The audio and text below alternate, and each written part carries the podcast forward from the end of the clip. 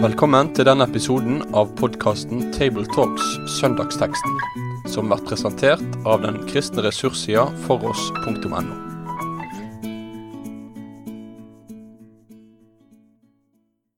Vel møtt til en ny samling om eh, Guds ord og søndagens tekst. Og det er eh, Egil Sjåstad og eh, Svein Granerud og Asbjørn Kvalbein som er samlet rundt bordet. Og Egil leser teksten. Ja, og i min bibel har den fått overskriften 'Sennepsfrøet og surdeigen'. Det er altså to små lignelser vi skal høre i dag. Lukas 13, 18-21. Så sa han, Hva er Guds rike likt, og hva skal det ligne det med? Det er likt et sennepsfrø som en mann tok og sådde opp i hagen sin. Det vokste og ble til et tre, og himmelens fugler bygde rede i greinene. Og igjen sa han, hva skal det ligne Guds rike med? Det er likt en surdeig som en kvinne tok og skjulte i tre kar mel til alt var gjennomsyret. Amen. Det kan jo samtales samtale så mange ting ut fra denne teksten. Jeg har lyst til å si litt om dette med sennepsfrø aller først. Ja. Det er jo eh, en plante vi ikke er veldig vant til, men det er en hagevekst. Så når det er snakk om at dette blir et tre større enn alle trær, det står i parallellteksten, så er det ikke det tilfellet at det er større enn alle trær. Det er en hagevekst, men den er en kjempestor hagevekst. Og um, frøet er ikke nødvendigvis det, det minste av alle frø. Det, det, vi kjenner jo til at furufrø og granfrø kan være bitte små og gi store planter. Eh, poenget er heller ikke det, men det er en hagevekst. Og poenget er jo utenom at eh, størrelsen og, veksten Poenget er eh, Ja, jeg vet ikke dette med hagevekst og sennep. Jeg har fått inntrykk av at det er en parallell til det at Jesus snakker om salt. Fordi at sennepen er noe som vi bruker for å forsterke annen smak, akkurat som salt er det. Uh, sennep får munnen til å løpe i vann, så å si, full av farge og smak. Og uh, det er også kjent i Bibelen at, eller i denne samtiden da, i Bibelen, at Eh, sennep kunne være en helbredende eh, urt som man spiste, men sjelden bare sennep. Den var ofte sammen med annen mat. Eh, så den betydde legedom. Så at det er i slekt med salt, at det har litt helbredende egenskaper, er mulig at Jesus hadde i baktanke da han brukte dette bildet. Men det er naturligvis andre ting han vil ha fram med lignelsen. Det forteller jo det at han har et positivt forhold til sennep. da. Ja. Det er ikke alle oss som har det på samme måten, men Jesus hadde det, og han hadde sans for skapergodene Jesus. Som flere av lignelsene hans, det, det avspeiler at han, han var, sansen for hverdagsmennesker i deres uh, slit for strev og mat og det som var. Men poenget her er jo da forskjellen på det lille og det store. da. Mm. Det blir det store poenget her. Surdeig, da, hva er det for noe rart, eh, Svein? Nei, det er vel det vi i vår tid uh, snakker om da vi kjøper gjær for at uh, ting skal ese ut og vi skal få god gjærbakst. Det er vel det beste sammenligningsgrunnlaget, tror jeg. Uh, da israelittene skulle ut av Egypt i sin tid, så hadde de ikke tid til å bruke noe usyret brød, så da ble det flate leiver som de tok og spiste i hast. Så det var det usyrede brød. Der var det ingen surdeig. Det blir ikke rare gjærbaksten hos oss heller, hvis det ikke er gjær i. Så det er vel sammenligningsgrunnlag, kanskje, som vi kjenner igjen. Uh, Jesus han er uh, god på Litt dumt uttrykk på han, kanskje, men han er noe god på det. da, Også bruke lignelser som, uh, som folk kjenner igjen. nå levde han jo i, i og for seg i en landbrukskultur, så det med landbruk og fiske og de dagligdagse ting, det kjenner de godt til. det kan nok være noen av Jesu lignelser som sånn på billedsiden er litt mer fremmede for uh, vår kultur her hos oss. Men egentlig så er det veldig jordnært og hverdagslig, som Egil sier. Og det syns jeg godt vi kan løfte fram også når vi skal preke om det her. At Jesus han, han henter stoffet rett fra vår hverdag. Og så må vi si da at det er Guds rike han taler om. For vi er jo inne i nesten en stim av Guds rike lignelser både i Lukas og også ikke minst i Matteus, hvor det er flere lignelser som har med Guds rike å gjøre. Så det er liksom tema nummer én i, Guds, i Jesu lignelser. Han vil at vi skal forstå hva Guds rike er. Og det tenker jeg, hvis jeg skal preke på denne søndagen, da, da må jeg få sagt noe om det da, ved hjelp av disse lignelsene. Jeg syns det er et litt interessant sidespor at Paulus er inne på dette med surdeig i første Korinterbrev. Og der snakker han jo negativt om at en liten surdeig, altså en liten synd, på en måte korrumperer det hele. Eh, så man kan altså komme til å hekte seg for mye opp i bildene hvis det er poenget å snakke om godt og vondt. Men det som Jesus skal ha fram, og det har vi pekt på flere ganger allerede, det er det lille som blir til det store. Og Jesus bruker jo disse bildene om sennep og surdeig veldig positivt. At det er noe godt som skjer i denne veksten. Og hva er det som vokser, og hva er det som skjer egentlig? Jeg tenker på det at, eh, som vi har samtale om en gang vi snakka om palmesøndagen, at eh, Jesus måtte lide og dø. Eh, Jesus ble til slutt helt alene. Bevegelsen han hadde skapt i Galilea, var ganske stor en periode, men det ble mindre og mindre. Til slutt ble det bare bitte lite. Det betyr det var én person, de andre flykta. Men ut av det som skjedde med Jesus i påska, så hadde det skjedd noe stort. Det har blitt noe som har preget store deler av verden, faktisk. Og som veldig mange enkeltmennesker har sagt dette betyr alt for meg. Så ifra det lille, det, det som så ut som et stort nederlag Og uh, ofte er det sånn også Den kristne kirke og kristen misjon at vi er få, og det ser skrøpelig ut. Men for de som da får tak i dette her, og, og uh, for dem det vil bety noe for, så blir det veldig stort. Og så skal vi være optimistiske og tro at Guds ånd vil, vil, hjelpe oss å få det ut til enda flere. da. Ja, vi trenger vel å høre det, fordi det er jo mange tegn som peker imot dette. Og vi som lever i, i vår tid, opplever jo veldig mye at det er sekularisering, det er tilbakegang, det er eh, motstand og eh, til dels forfølgelse i sterke grad. Eh, vil det virkelig seire dette Guds rike? Um, ser vi ikke også andre tendenser? Hvordan får vi dette til å henge sammen? Uh, I, um, i åpenbaringsboken, i det fjerde kapittel, eller, unnskyld, tredje kapittel der, så er det jo menigheten i Laudikea er det vel, som får det råd om at de skal kjøpe seg salve og salve sine øyne med, så de får se.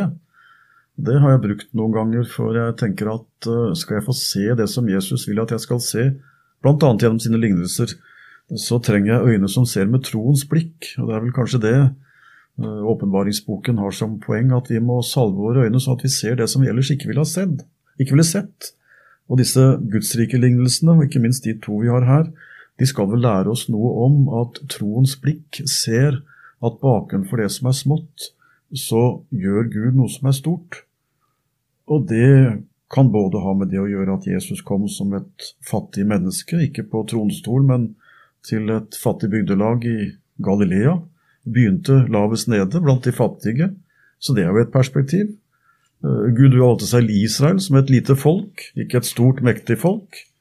Og som Egil nevnte, når det største skjer, som hele frelsen hviler på, så skjer det ikke med en hær av engler eller soldater, men at Gud selv gjennom sin sønn lar seg spikre på et kors og dø som en forbryter for å sone våre synder. Det tilsynelatende ikke bare lille, men destruktive er med troens blikk begynnelsen til det som, og grunnlaget for det som frelser. Troens øye må se, så gudsrikelignelsen har alltid det for øye. Jeg må se det som jeg ikke hadde skjønt, hvis ikke Jesus hadde undervist meg. Ja, og allerede det at et frø og en gjærklump ikke virker noe særlig tiltalende i seg selv, det virker uhyre smått. Det sier jo det at det som tilsynelatende er det motsatte. Det kan bli noe stort, men vi må se dem, som du sier så fint, med Guds blikk. Få øyne å se med. Jeg tenker på det slutten av begge de lignelsene her.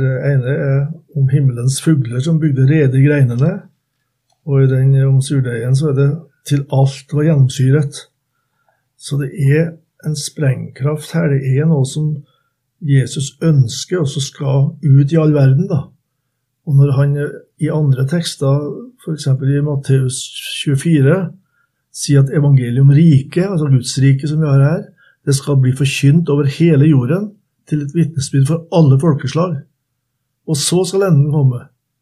Så er det, tror jeg også, et aspekt ved, denne teksten at uh, den kristne misjonen har og skal ha som mål hele verden. Og NLM, da, som noen av oss uh, er aktive med i, har hele tida hatt som motto 'Verden for Kristus'. Vi ønsker at uh, himmelens fugler skal bygge rede greinene på dette treet. og Det betyr at andre folkeslag skal høre evangeliet og ta imot det. altså. Ja. Bildet med fuglene er jo opplagt et, eh, et, uttrykk for at her skal det komme noen som ikke hørte til der, på et vis. Mm. De kommer andre steder fra. Så det vil jo det vil være galt å ikke preke misjon uh, på en søndag med, med, med disse tekstene. Det, det, er vi nødt til å gjøre. Og det verset som Egil siterer fra, fra Matteus 24, 14, det er jo et av nøkkelordene til å forstå hvordan misjonsoppdraget ikke bare er en, en, av mange viktige saker for den kristne kirke, det er hovedoppdraget. Og det er det Gud styrer verdenshistorien mot.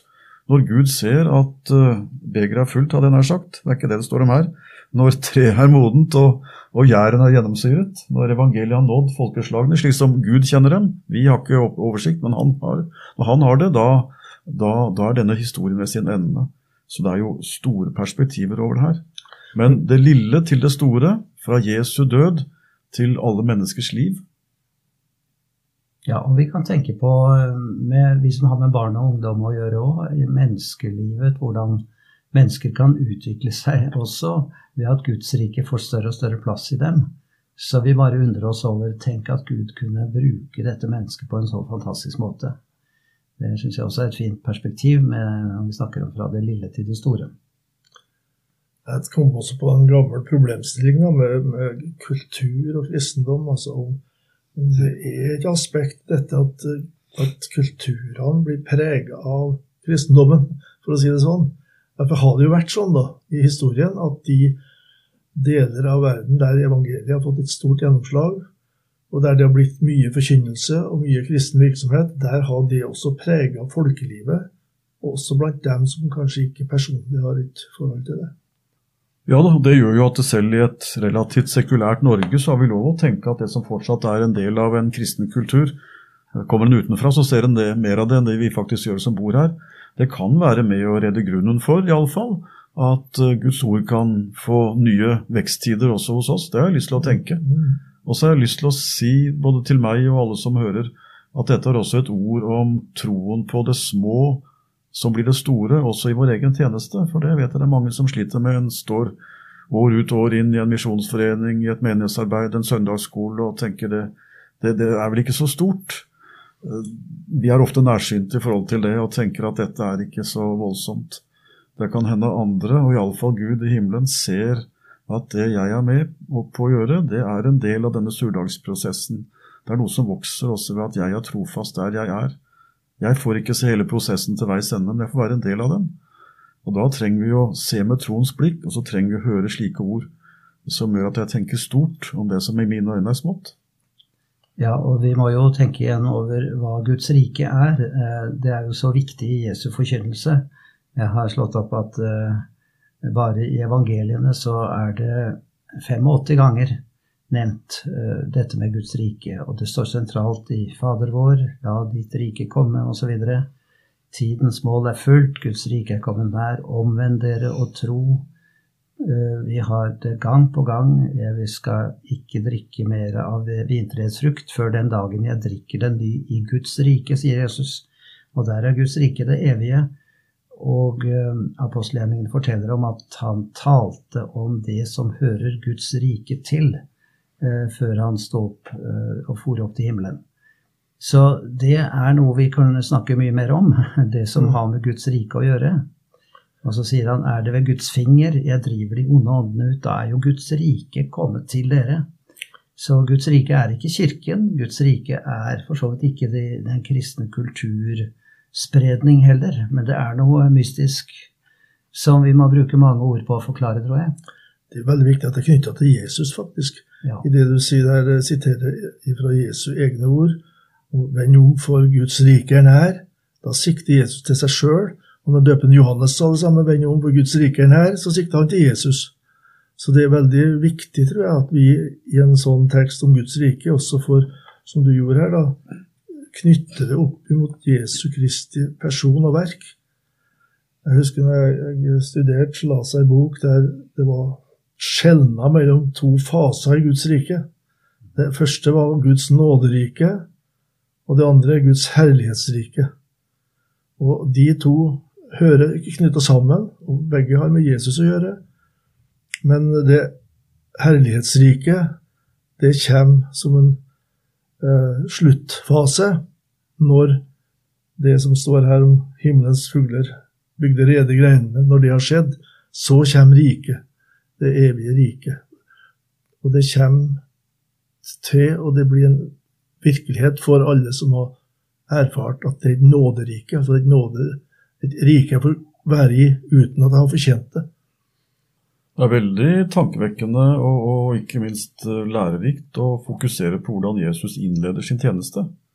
For det er jo ikke minst de synoptiske evangeliene, Markus, Matteus og Lukas. De er jo ganske entydige på hvordan Jesus ordla seg når han begynte å tale offentlig. Da var det to utsagn.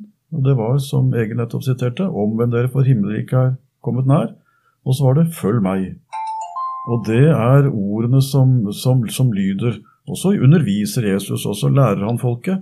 Men, men den grunnleggende teologien den skal aldri komme lenger enn det. Så om vi kan si mye godt om Guds rike, og bør si det, så må vi allikevel la det først og fremst dreie seg om disse grunnleggende ordene av Jesus. Guds rike har kommet nær der hvor Jesus er, og hva skal jeg gjøre for å få del i Guds rike? Jo, gjøre som Jesus kaller meg til, følge Han. Så om vi synes det blir mye å holde orden på i teologien, og det vet jeg mange mennesker synes, så må vi si til dem hvis du følger Jesus, da er du der hvor Guds rike er. For det er han som er dette rikets konge, og det er han som er døren inn til riket, og det er han som en gang skal fullende det.